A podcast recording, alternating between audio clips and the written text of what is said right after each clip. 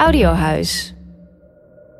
Topcrimineel Stanley Hillis. Een even mysterieuze als ongrijpbare gangster. Stanley H. is afgelopen woensdag uit de Bijlmer is ontsnapt. Het was de vierde keer dat hij erin slaagde om uit de gevangenis te komen. Als men mij gewoon in een eerlijk gevecht neerschiet, heb ik er geen moeite mee. Maar ik ben gewoon bang dat het op een gluiperige manier gaat gebeuren. Stanley Hillis werd neergeschoten voor het oog van de politie in Amsterdam-Oost. Letterlijk doorzeefd. De dader is nooit gepakt. Zijn dood is nog altijd omgeven door raadsels... omdat hij op het moment onder zware observatie van de politie stond.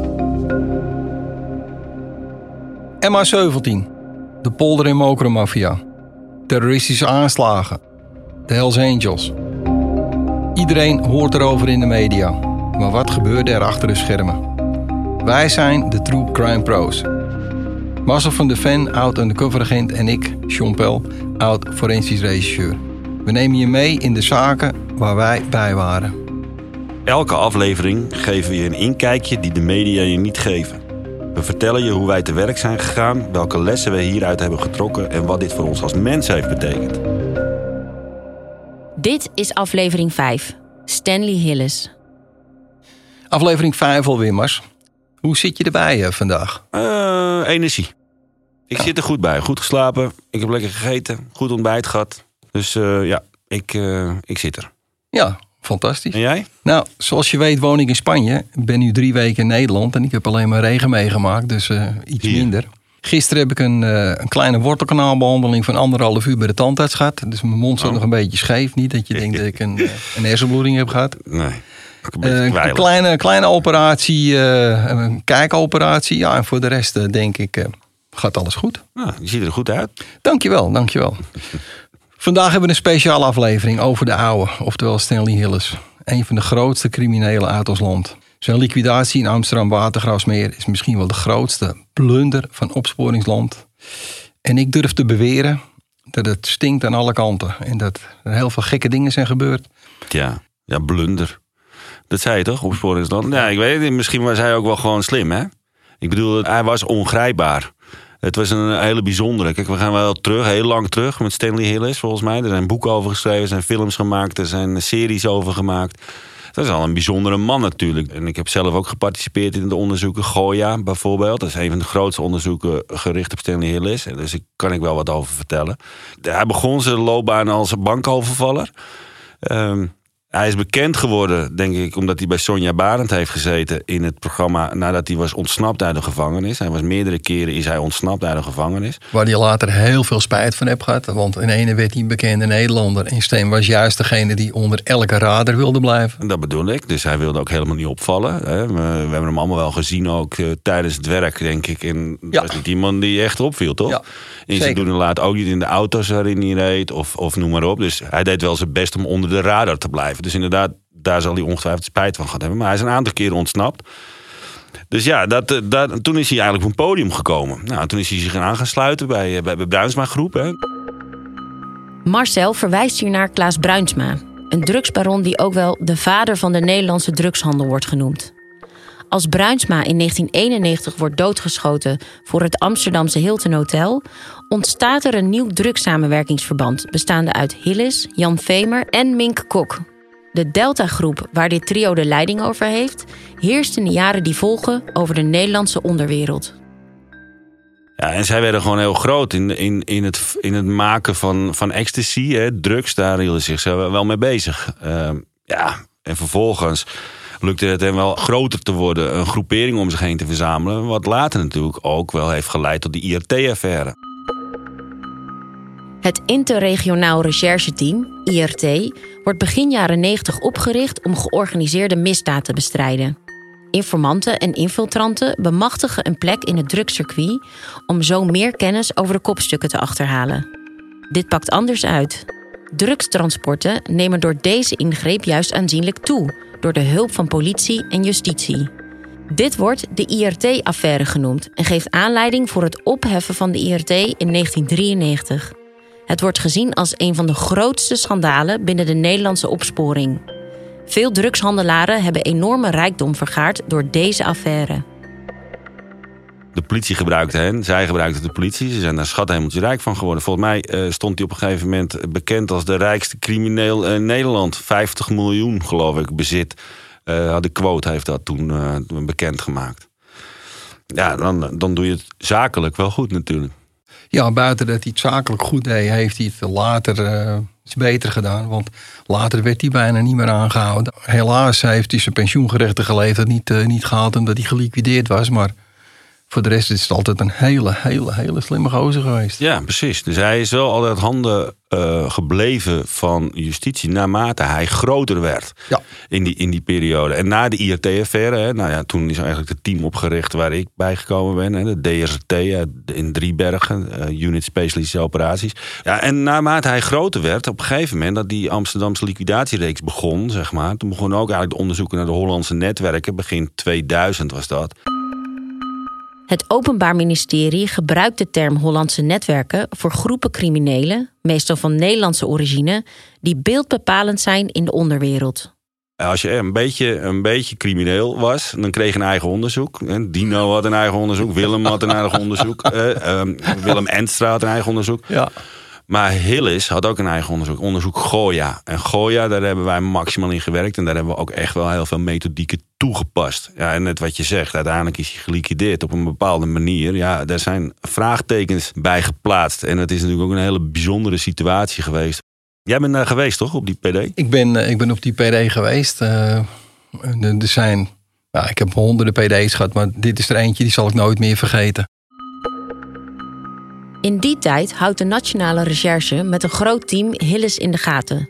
Het wordt duidelijk dat hij op 21 februari 2011 om 12 uur een afspraak heeft met de Amsterdamse crimineel Donald Groen op een parkeerplaats in Amsterdam Oost. De politie zet daar een aanhangwagen neer met daarin medewerkers om het gesprek af te luisteren. Nog voordat Hillis en Groen elkaar ontmoeten, komt er een busje de straat in rijden en wordt Hillis doorzeefd met kogels. Hierna wordt door de medewerkers ter plaatse en opgeroepen politie een achtervolging ingezet en vliegt er zelfs een helikopter over Amsterdam. Maar de dader of daders weten te ontkomen. Tot op de dag van vandaag weten we niet wie achter deze moord zit.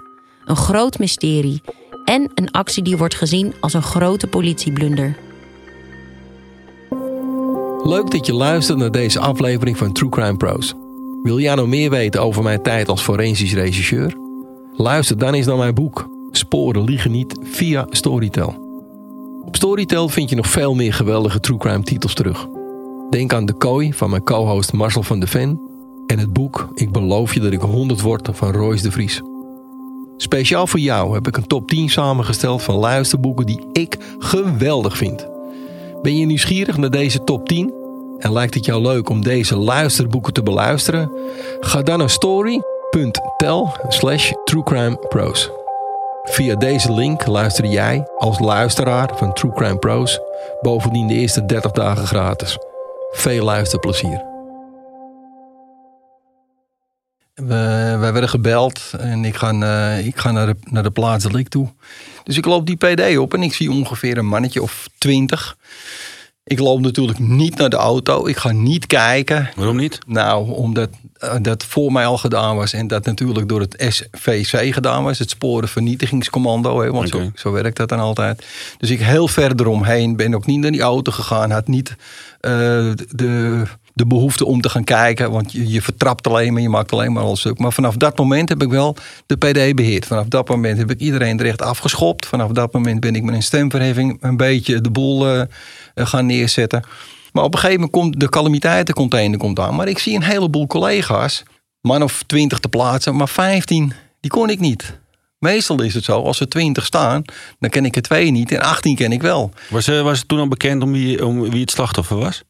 Dat was direct bekend. Toen, wij uh, toen er gebeld werd vanuit de meldkamer, uh, kregen wij direct te horen dat Stanley Hillis was geliquideerd. Oké, okay, dus het was direct bekend? Direct bekend. Dus het was niet zeg maar jongens een PD en dan nog even een slachtoffer gaan identificeren. Nee, Stanley Hillis. En hoe kwam dat dan? Want vaak nou, dat vond, ik, dat vond ik van kiet af aan al vreemd. Want ik zat in mijn auto. Ik denk, uh, nou ja, ik ga wel kijken hoe dat komt.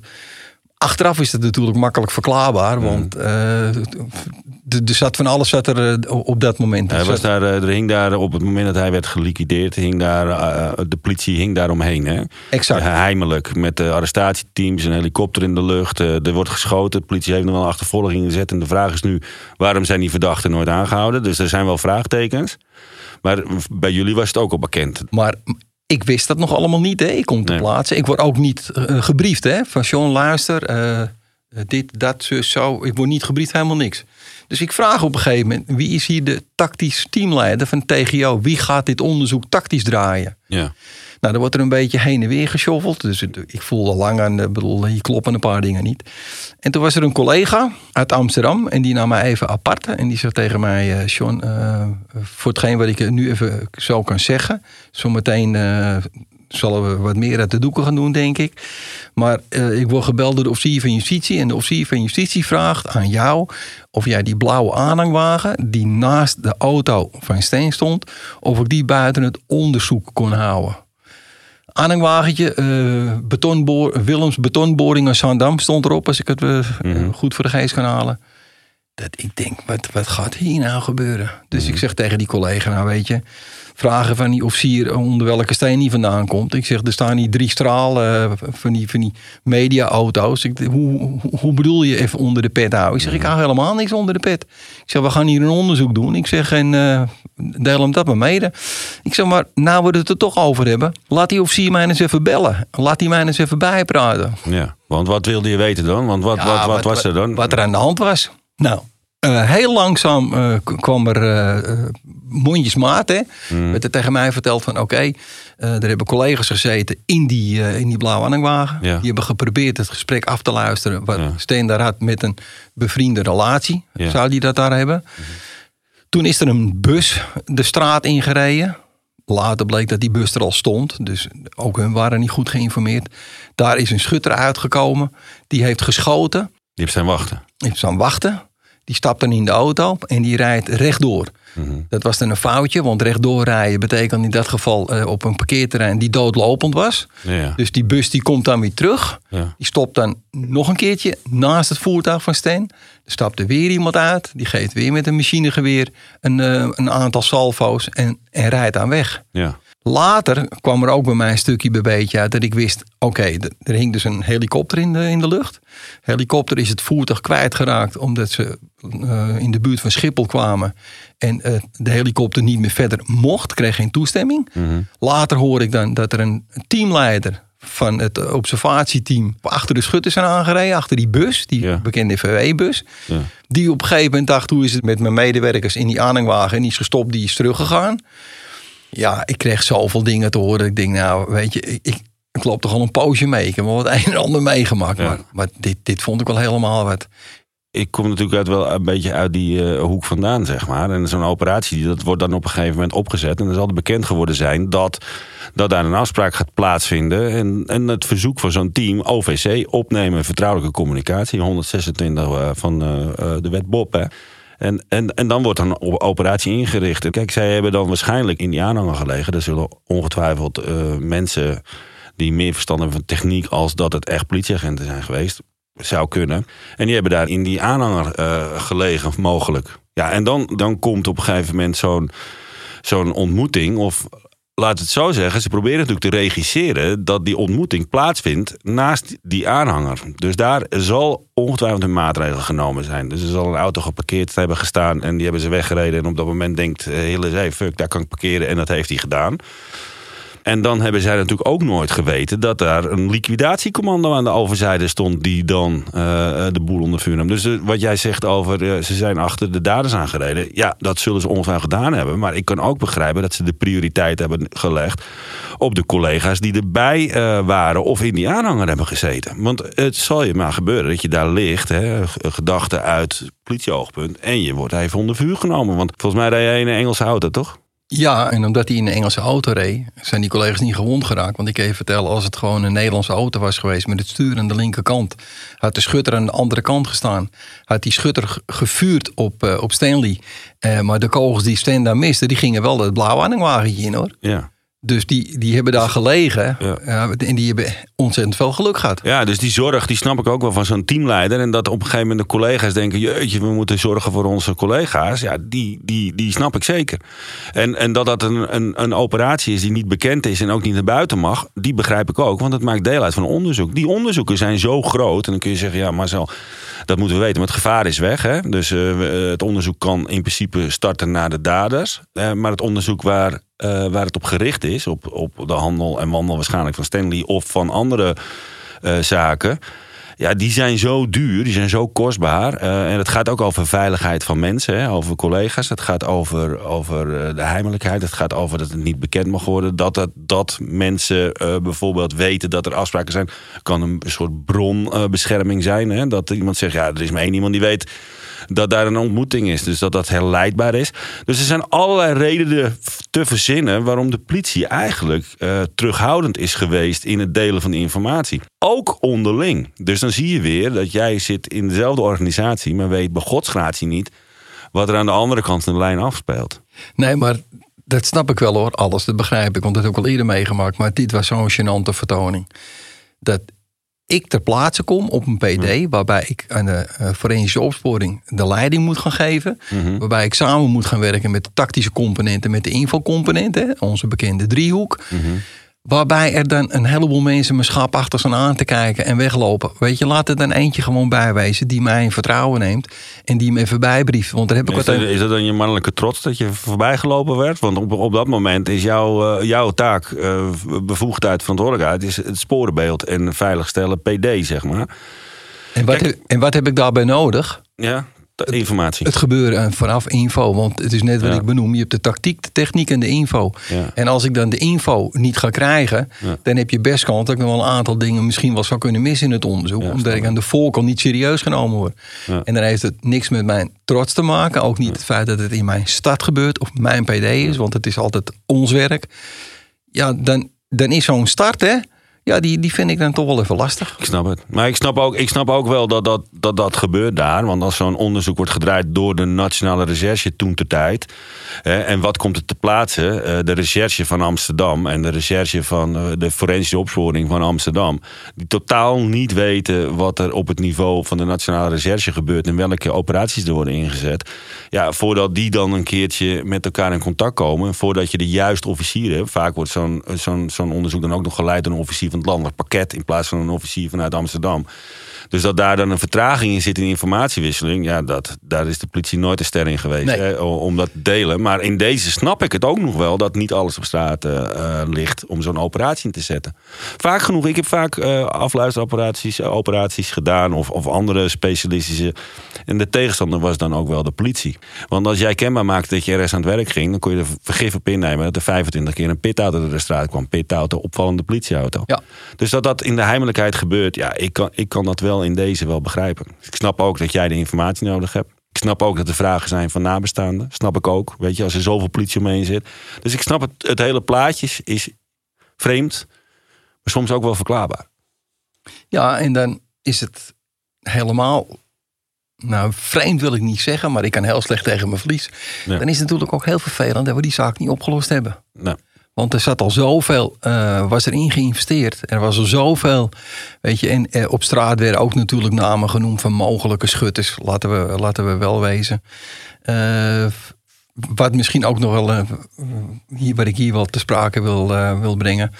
Ehm, in de media is heel veel aandacht gegeven aan deze zaak. Uh, ook hoe, uh, hoe die in het begin gegaan is. En, maar op een gegeven moment lees ik in de panorama lees ik een stukje. Dat kwam uit een betrouwbare bron nabij het onderzoek. Dat Stanley Hillis zou teruggeschoten hebben. Da- dat het daardoor is gekomen dat de ruiten gingen bollen van binnenuit naar buiten. En dat Stan op de schutter geschoten zou hebben. En dat Stan dan ook nog een vuurwapen tussen zijn benen op zijn stoel had liggen. En dat er ook een huls werd aangetroffen. Misschien dat ik dan op een verkeerde PD heb gestaan. Dat zou best kunnen. ja, Maar dat, dat was hier niet. Het is echt een broodje aap verhaal. oké. Punt 1. Als je met een eh, revolver schiet of met een pistool schiet vanuit een auto... bollen de ramen er niet uit. Wel als je een raketwerper neemt, dan bollen wel de ramen eruit. Door de druk. Do- door de druk en, en niet, niet van een, eh, van een vuist vuurwapen. Dus eh, Nee, dus dat beeld dat klopte niet. Nee, dat- maar dat is natuurlijk wel wat je zag in de media. Er werd heel veel gespeculeerd en er werd heel veel ingevuld. Er werd natuurlijk met een enorme vinger gewezen richting de politie en de opsporingsdiensten. Waar ik kan begrijpen. Hè? Wat ik ook wel kan begrijpen, als je, als je sect eh, dat verhaal zo op tafel neerlegt. En Ja. dat je daar als buitenstaander je mening over moet Ja. geven, ook als journalist. Omdat je de inhoud niet weet. Omdat je de inhoud niet weet. Exact. Maar als je dit soort operaties, wat niet, wat niet vreemd is, alleen in deze gaat het fout. En ik denk dat zij. Ja, nee, ik weet wel zeker oprecht dat zij natuurlijk niet weten dat aan de overkant een busje staat met gasten erin met vuurwapens. Echt niet, echt niet. Want dan zetten ze. Nee. Dat, ze gaan nooit, de politie gaat nooit, nooit, nooit het risico nemen. A, voor hunzelf. En B, als zij dat hadden geweten, dan hadden ze of aangehouden.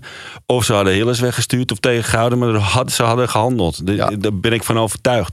Ik Maar ja, goed, het is dan ook wel een vraag die nog steeds blijft liggen dan.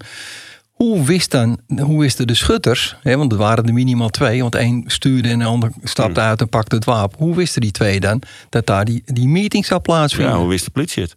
Ja.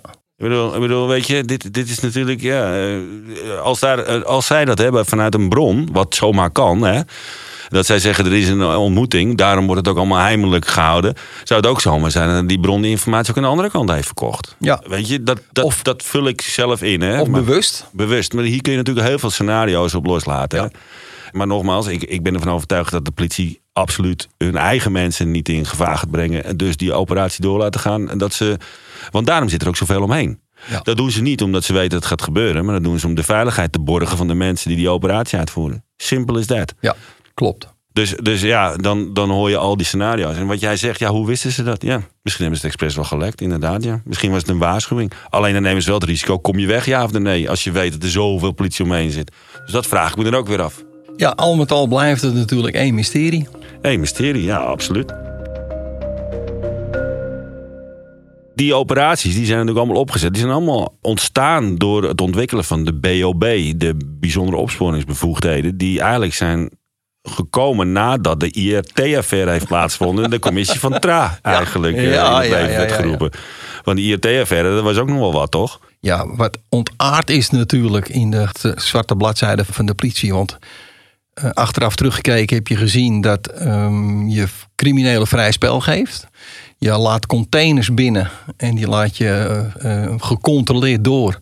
En dan achteraf kun je hopelijk eh, vanuit een plek eh, wat, wat criminelen pakken die gaan uitlaaien. Je moet je afvragen of de, de vier criminele in- burgerinformanten...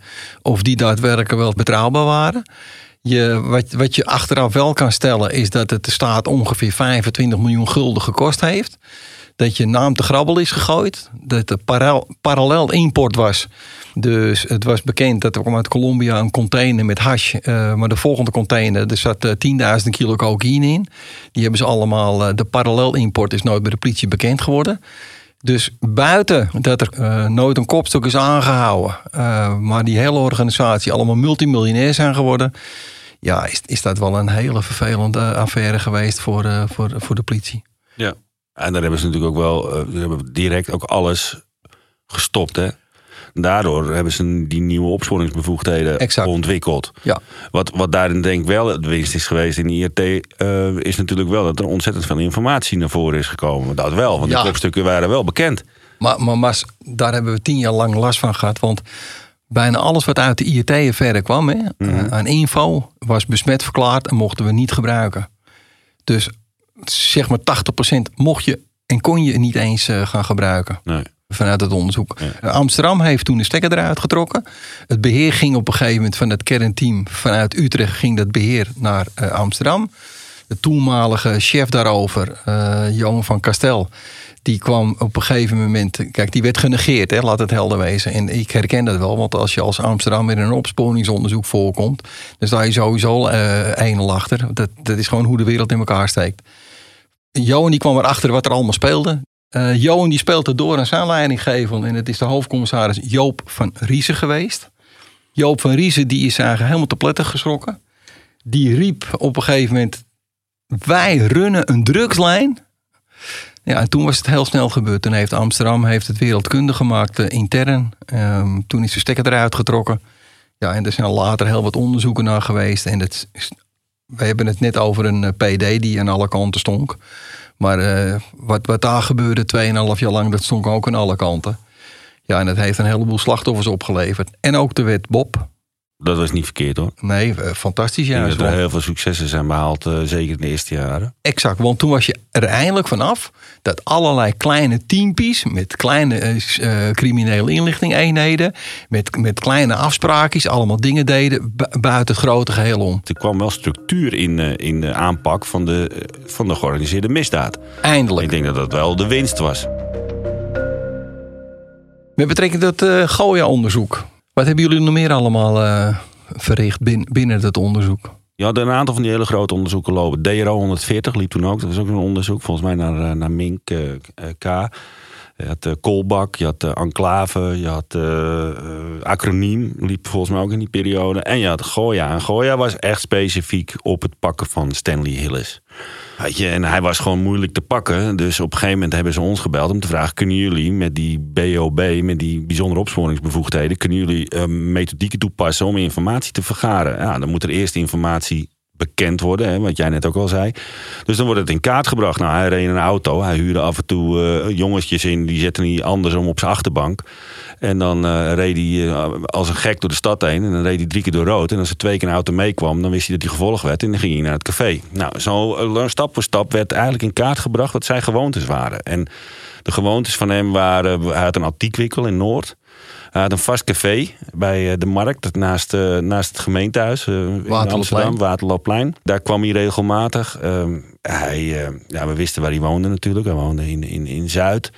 Ehm, we wisten ook wie er om hem heen liepen. Hè. Daar had een aantal lijfwachten. Hij had natuurlijk een paar broeders in het kwaad om zich heen lopen.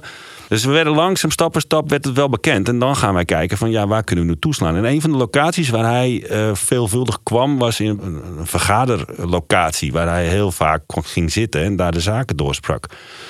En eh, op een gegeven moment heeft dat team dan ook gevraagd of wij dat af konden luisteren. Alleen je kon niet zomaar ergens maar een microfoon in een woning plakken en zeggen van nou eh, weet je succes ermee. Dat moest echt echt wel overleg eh plaatsen in een landelijk pakket. En die gaven dan aan van nou ja, eh, er mag alleen maar afgeluisterd worden op het moment dat hij deel uitmaakt van het, van het gesprek. Dus daar moet je dan ook weer je maatregelen op nemen. Dus de eerste stap die we moesten doen was zijn auto onder controle nemen. Dat was een pijlbaak onder zijn auto. Een pijlbaken is een kleine GPS-tracker die je onder een voertuig kunt monteren. Via GPS meet het pijlbaken de locatie van het getrackte voertuig. Dus op het moment dat hij richting die, die locatie reed, dan had je een ring, zeg maar, van een meter of 200. Dat kon je dan instellen op de baken. En zodra je dan op 200 meter vanaf de locatie was, dan kreeg er iemand een sms'je. En dan wist je dus dat die, eh, dat die richting de locatie ging. Dat was stap 1. Ja, punt 2 moest je wel zeker weten dat hij naar binnen ging. Dus ja, een camera. Dus toen moesten wij toch wel gaan kijken, hoe gaan we hier nou een camera plaatsen op deze locatie? Nou, dan gingen we daar eh, verkleed als eh, landmeters. Weet je, die, die mannen met zo'n oranje jas. En dan had je eigenlijk zo'n gele poot met zo'n zo'n camera. Daar kon je natuurlijk prachtig mooi een cameraatje in doen. Ja. Dus dan kon je mooi filmen. En dan konden we mooi in, in kaart brengen van, nou, eh, waar kunnen we dat dan doen? Nou, dat lukte ons ook. Uiteindelijk is het een lantaarnpaal geworden. Dus dat was twee. Ja, en dan moest de afluisterapparatuur nog in de woning. En het, en het nadeel daarvan is, was degene die in, op die locatie zat en woonde, altijd thuis was. Altijd. Ging nooit weg. Er werden boodschappen gebracht en als hij weg was, was het tien minuten. Maar het was echt eh, heen en terug. Dus we moesten toch eigenlijk kijken of we van buiten naar binnen konden. En uiteindelijk is dat een kruipruimte geworden onder de woning. En dat maakt deel uit van een, van een centrale ingang, van een complex. En dan moesten wij via een centrale hal moest je naar binnen. En dan had je in het midden zo'n plaat, zo'n houten plaat. Kruipluik. Een kruipluik, hè. die moest je dan omhoog. En dan moest je met z'n tweeën of met z'n drieën.